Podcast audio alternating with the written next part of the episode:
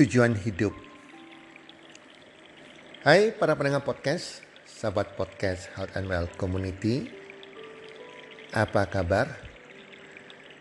Semoga teman-teman bersama keluarga dalam keadaan sehat walafiat selalu dan bertambah rezekinya dari hari ke hari, dari bulan ke bulan.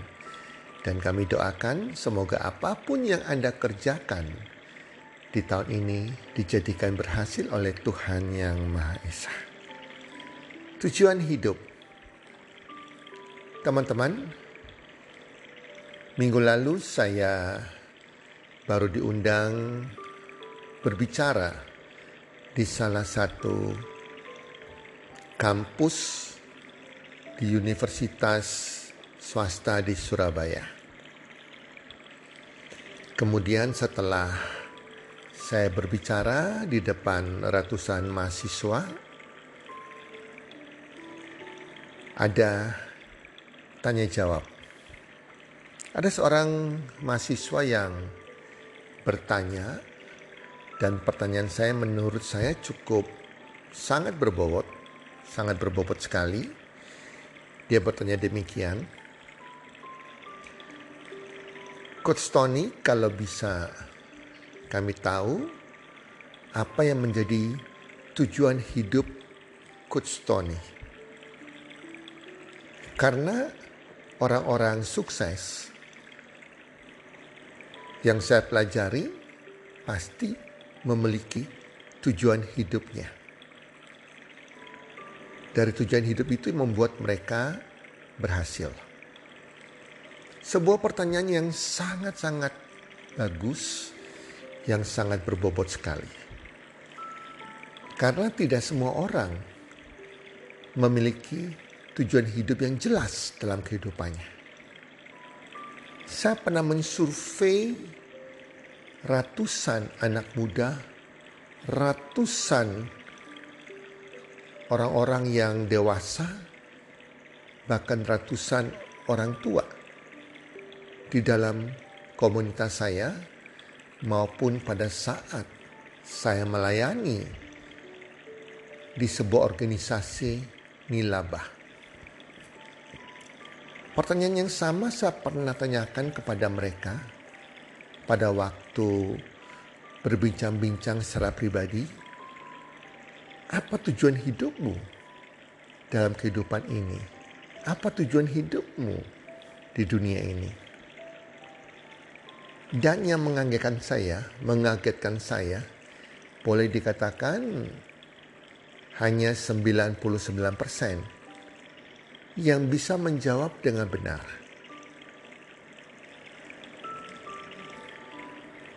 Benar bagi mereka 95 99% yang menjawab benar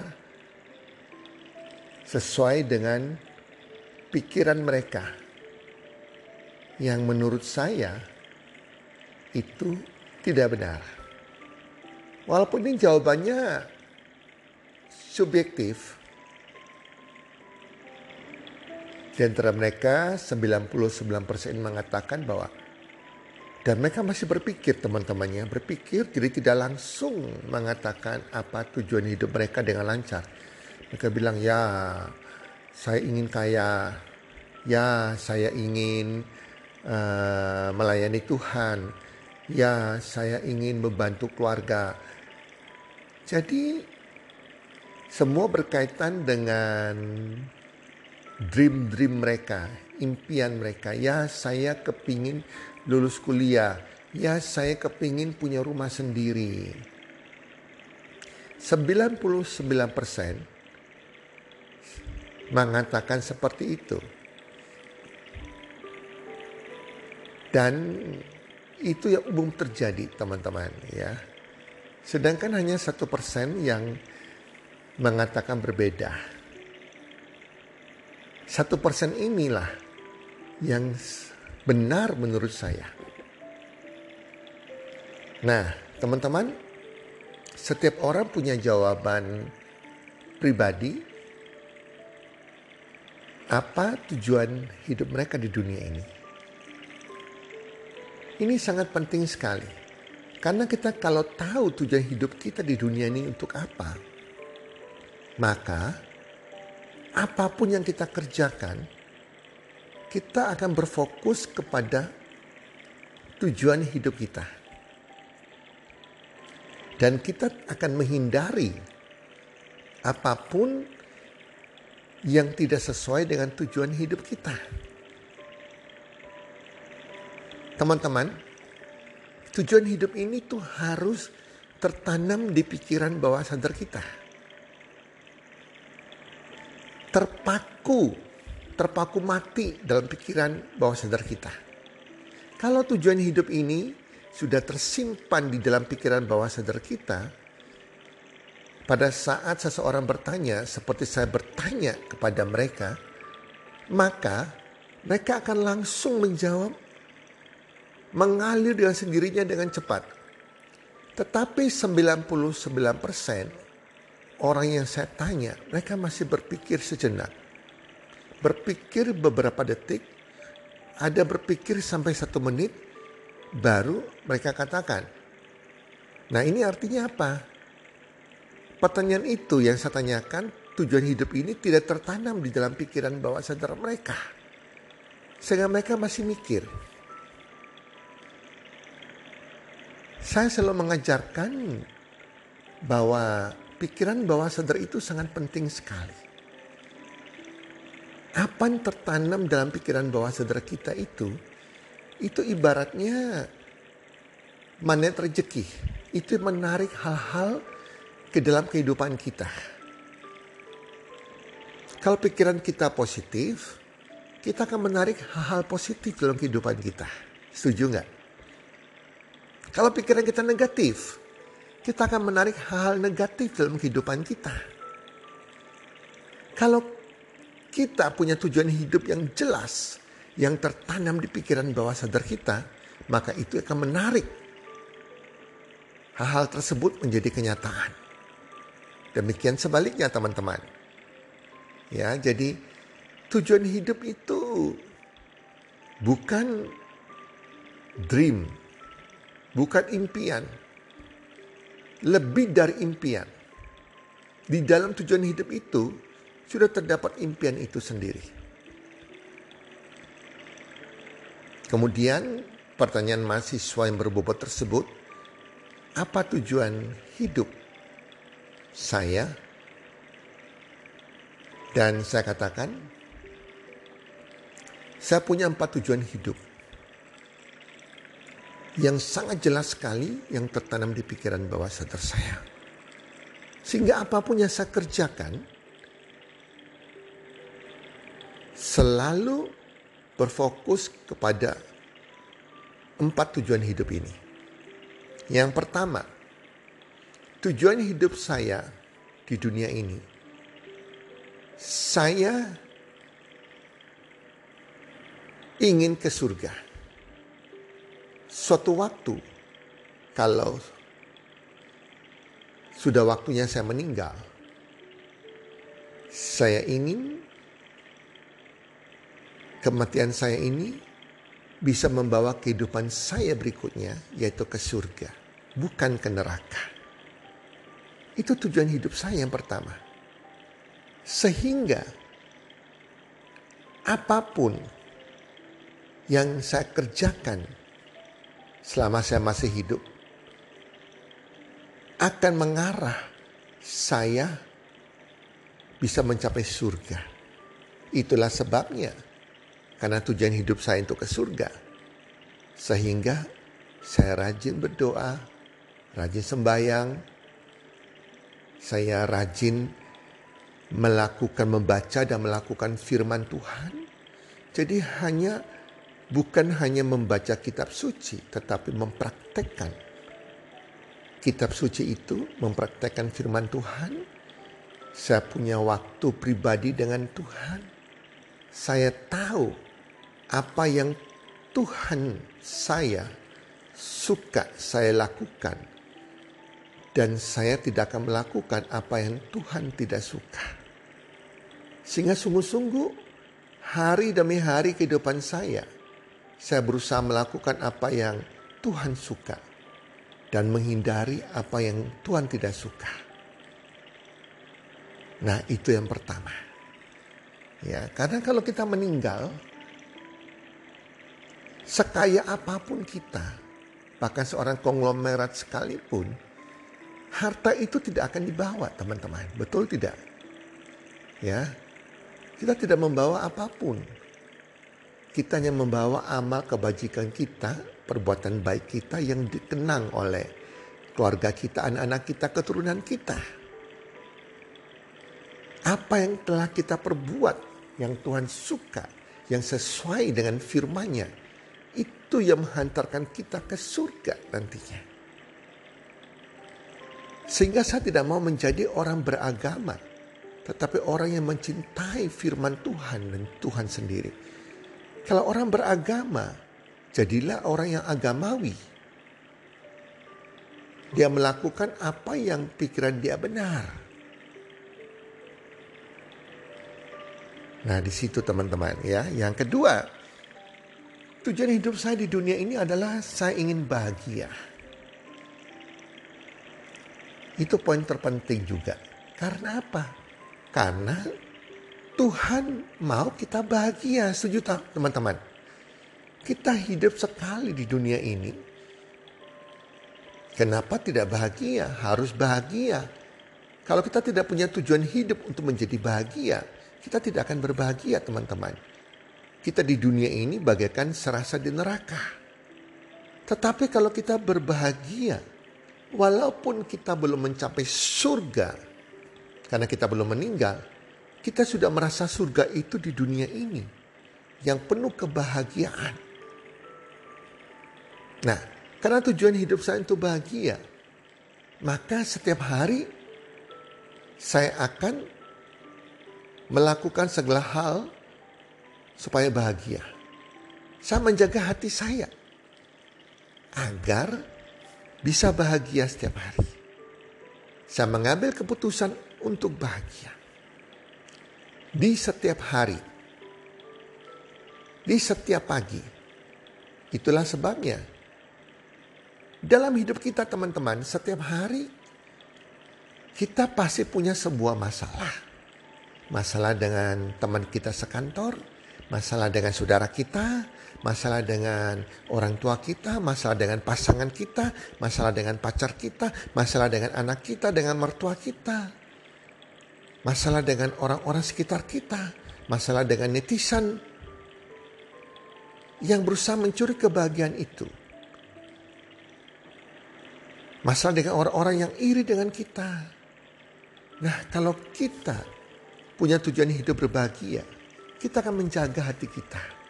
Karena kebahagiaan itu sebuah keputusan. Kita mau memilih hari ini kita bahagia atau tidak bahagia. Kita bisa memilih mau jadi marah atau tidak marah. Kita mau menyimpan kepahitan kita atau kita melepaskan kebencian kita, kepahitan kita. Itulah sebabnya kalau terjadi sesuatu hal yang tidak menyenangkan, apa pun itu dengan sesama saya, dengan pasangan saya, dengan dengan anak-anak saya atau dengan siapa pun, masalah di kantor, masalah pekerjaan yang bisa menghilangkan kebahagiaan saya, yang bisa mempengaruhi perasaan suasana hati saya, yang bisa menghilangkan sukacita saya. Semua masalah yang besar saya buat kecil. Masalah kecil saya anggap tidak ada masalah. Dan sebelum matahari terbenam, saya akan melupakan segala hal yang tidak menyenangkan di hari ini. Saya tidak mau mengingat hari-hari kemarin. Masalah hari ini saya selesaikan hari ini. Dengan orang-orang sekitar saya yang mungkin terjadi pertengkaran kecil atau juga mungkin hal-hal yang perkataan mereka menyinggung saya, perkataan pasangan saya menyinggung saya, perkataan netizen yang menyinggung saya, itu saya tinggalkan. Hari kemarin is hari kemarin. Hari ini adalah hari ini yang mempunyai masalah sendiri. Kalau kita melewati setiap hari, masalah hari kemarin belum kita bereskan, itu akan membuat kebahagiaan kita makin hari makin hilang. Karena kebahagiaan itu bersumber di perasaan hati kita. Itulah sebabnya selalu jaga hati kita. Jaga perasaan kita. Jangan sampai damai sejahtera kita, sukacita kita, kebahagiaan kita tercuri olehnya. Selalu jaga. Ada peristiwa yang terjadi masalah apa pun, pekerjaan kita, profesi kita, di bisnis kita, masalah dengan orang terdekat kita, dengan pasangan kita, dengan pacar kita, jaga suasana hati itu. Memilih untuk bahagia. Ambil keputusan untuk bahagia. Kalau itu ada dalam pikiran bawah sadar Anda, begitu ada masalah apa pun, kita akan berdamai dengan masalah tersebut kita akan menjaga hati kita. Agar kebahagiaan itu ada setiap hari teman-teman.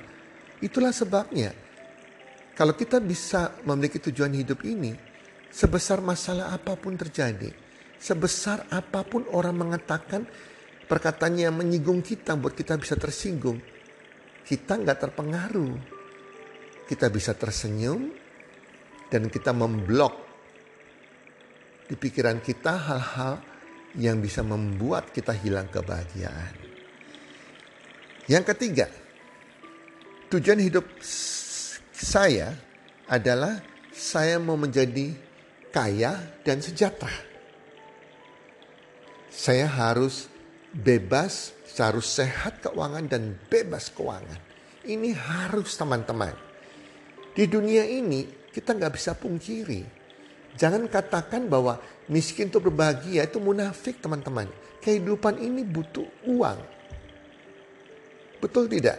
Semua dibeli dengan uang. Jangan mengatakan bahwa pokoknya saya nggak punya uang nggak masalah, yang penting bahagia. Oh no, itu munafik. Itu nggak ada, nggak bisa begitu. Itu orang hanya membuat alasan menutupi kekurangan diri mereka. Orang harus menjadi orang kaya dan sejahtera. Kita harus sehat keuangan. Bahkan sejahtera keuangan. Bebas keuangan. Itulah sebabnya apa pun yang saya kerjakan. Saya harus mengerjakan dengan serius. Tantangan pasti banyak. Saya harus serahkan dengan serius selama saya merasa bahwa alat bisnis pekerjaan saya itu bisa membuat saya jadi kaya dan yang bisa membuat saya bebas keuangan. Maka saya akan kerjakan dengan serius. Tantangan apa pun saya akan lewati. Bukan menjadi masalah karena saya tahu alat yang saya punya bisnis bisnis saya ini, pekerjaan saya ini bisa membuat saya mencapai impian keuangan saya. Kalau impian ini Anda tidak punya, teman-teman, Anda tidak punya, Anda tidak miliki maka sebagus apa pun peluang yang datang ke hadapan Anda, walaupun itu peluang itu tanpa modal, yang bisa memberikan penghasilan 100 juta per bulan tanpa modal, yang bisa memberikan Anda menjadi kaya dan bebas keuangan, memberikan sesuatu yang bisa diwariskan kepada anak Anda, Anda kan tidak bisa melihatnya. Berkat itu akan lewat. Padahal berkat itu mungkin Tuhan yang kirimkan kepada Anda. Tapi Anda tidak bisa melihatnya. Karena apa? Anda tidak punya tujuan hidup untuk bisa menjadi kaya dan sejahtera keuangan yang tertanam di dalam pikiran Anda. Sehingga Anda hanya menikmati yang tanda petik pekerjaan mungkin dengan penghasilan pas-pasan, gaji pas-pasan, tidak ada yang ditabung, hanya cukup untuk hidup setiap bulan bahkan kurang. Hari demi hari, tahun demi tahun berlalu sehingga begitu Anda pensiun dari pekerjaan Anda, dari bisnis Anda, Anda sadari bahwa Anda belum mengalami kekayaan. Dan itu penyesalan terjadi dan waktu tidak bisa diputar mundur teman-teman. Ya. Karena saya punya tujuan hidup untuk menjadi kaya dan sejahtera keuangan. Kaya dan bebas keuangan. Sehingga peluang apa pun datang ke hadapan saya. Yang ditawari orang, saya terima, saya pelajari. Apakah ini peluang benar atau tidak. Dan saya bersyukur sekali. Akhirnya saya menemukan peluang yang benar. Yang tidak benar saya tolak. Tetapi apa pun datang kepada saya, saya akan pelajari. Saya tidak akan tolak semena-mena. Karena saya tidak pernah tahu apakah ini yang Tuhan kirim atau bukan. Yang Tuhan kirim atau iblis yang kirim. Membuat saya tambah hancur. Karena saya pernah di posisi terpuruk teman-teman. Posisi menjadi orang yang sangat miskin. Di mana kita makan saja itu pakai hutang di bank. Itu kan minus banget teman-temannya. Kalau orang miskin gak punya hutang gak masalah. Dia makan aja tidak pakai hutang. Saya ini minus. Harus membayar hutang di bank. Makan saja. Kehidupan setiap hari, setiap bulan harus pakai hutangan di bank. Teman-teman, sehingga itu membuat tujuan hidup saya berubah. Saya bertekad tidak mau menjadi orang miskin. Saya harus jadi orang kaya dan bebas keuangan. Nah, yang keempat, tujuan hidup saya adalah untuk menabur kebaikan. Hidup saya saya kepingin berarti bagi banyak orang. Dengan menabur kebaikan setiap hari. Karena tujuan hidup ini yang bisa membawa saya nanti menjadi kaya di surga. Menjadi kaya di surga. Harta di surga. Itu dari apa yang kita buat di dunia ini. Taburan kebaikan yang kita buat di dunia ini Betul tidak teman-teman? Ya, kita berarti bagi sesama kita.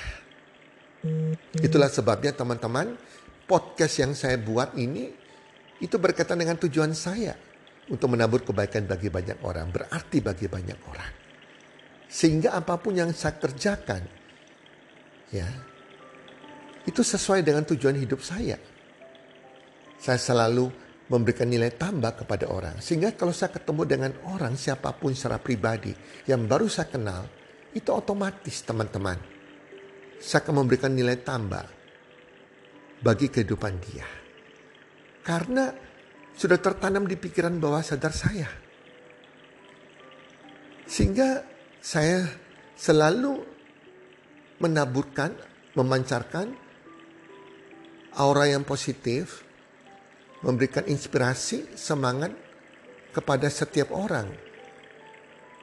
Bahkan orang yang saya baru ketemu secara pribadi. Saya lalui hidup-hidup saya dengan semangat.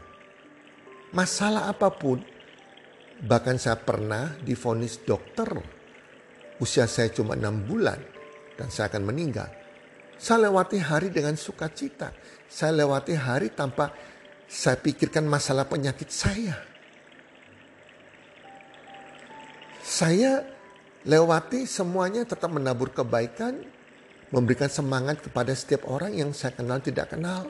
Walaupun saya sedang dalam masalah besar. Sudah difonis usia hanya enam bulan, usia saya dan saya akan meninggal. Saya tidak mau memikirkan penyakit saya. Karena saya mau bahagia. Saya mau ke surga dan saya percaya Tuhan saya lebih besar dari masalah saya maka saya tidak pernah pikirkan penyakit saya. Tuhan saya lebih besar daripada penyakit saya. Saya tetap melakukan kegiatan saya. Agar saya bisa menjadi kaya dan sehat keuangan.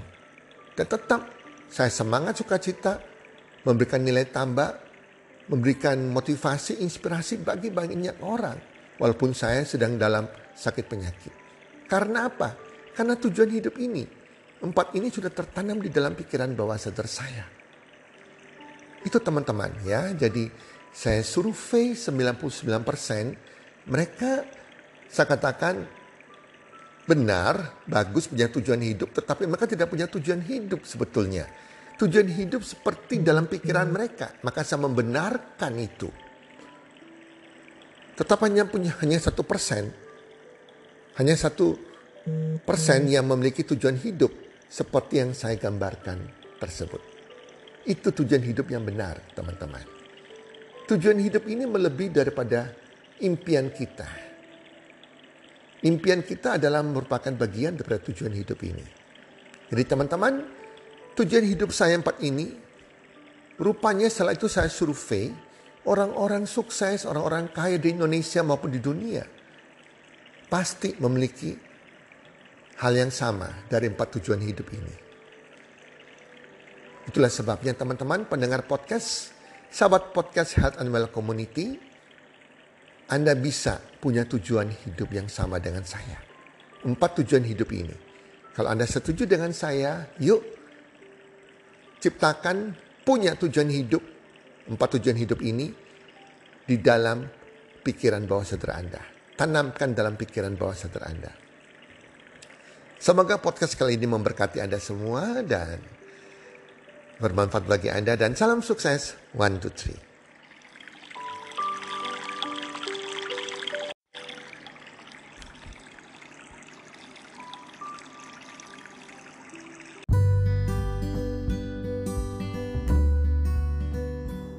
Terima kasih sudah mendengarkan podcast kami.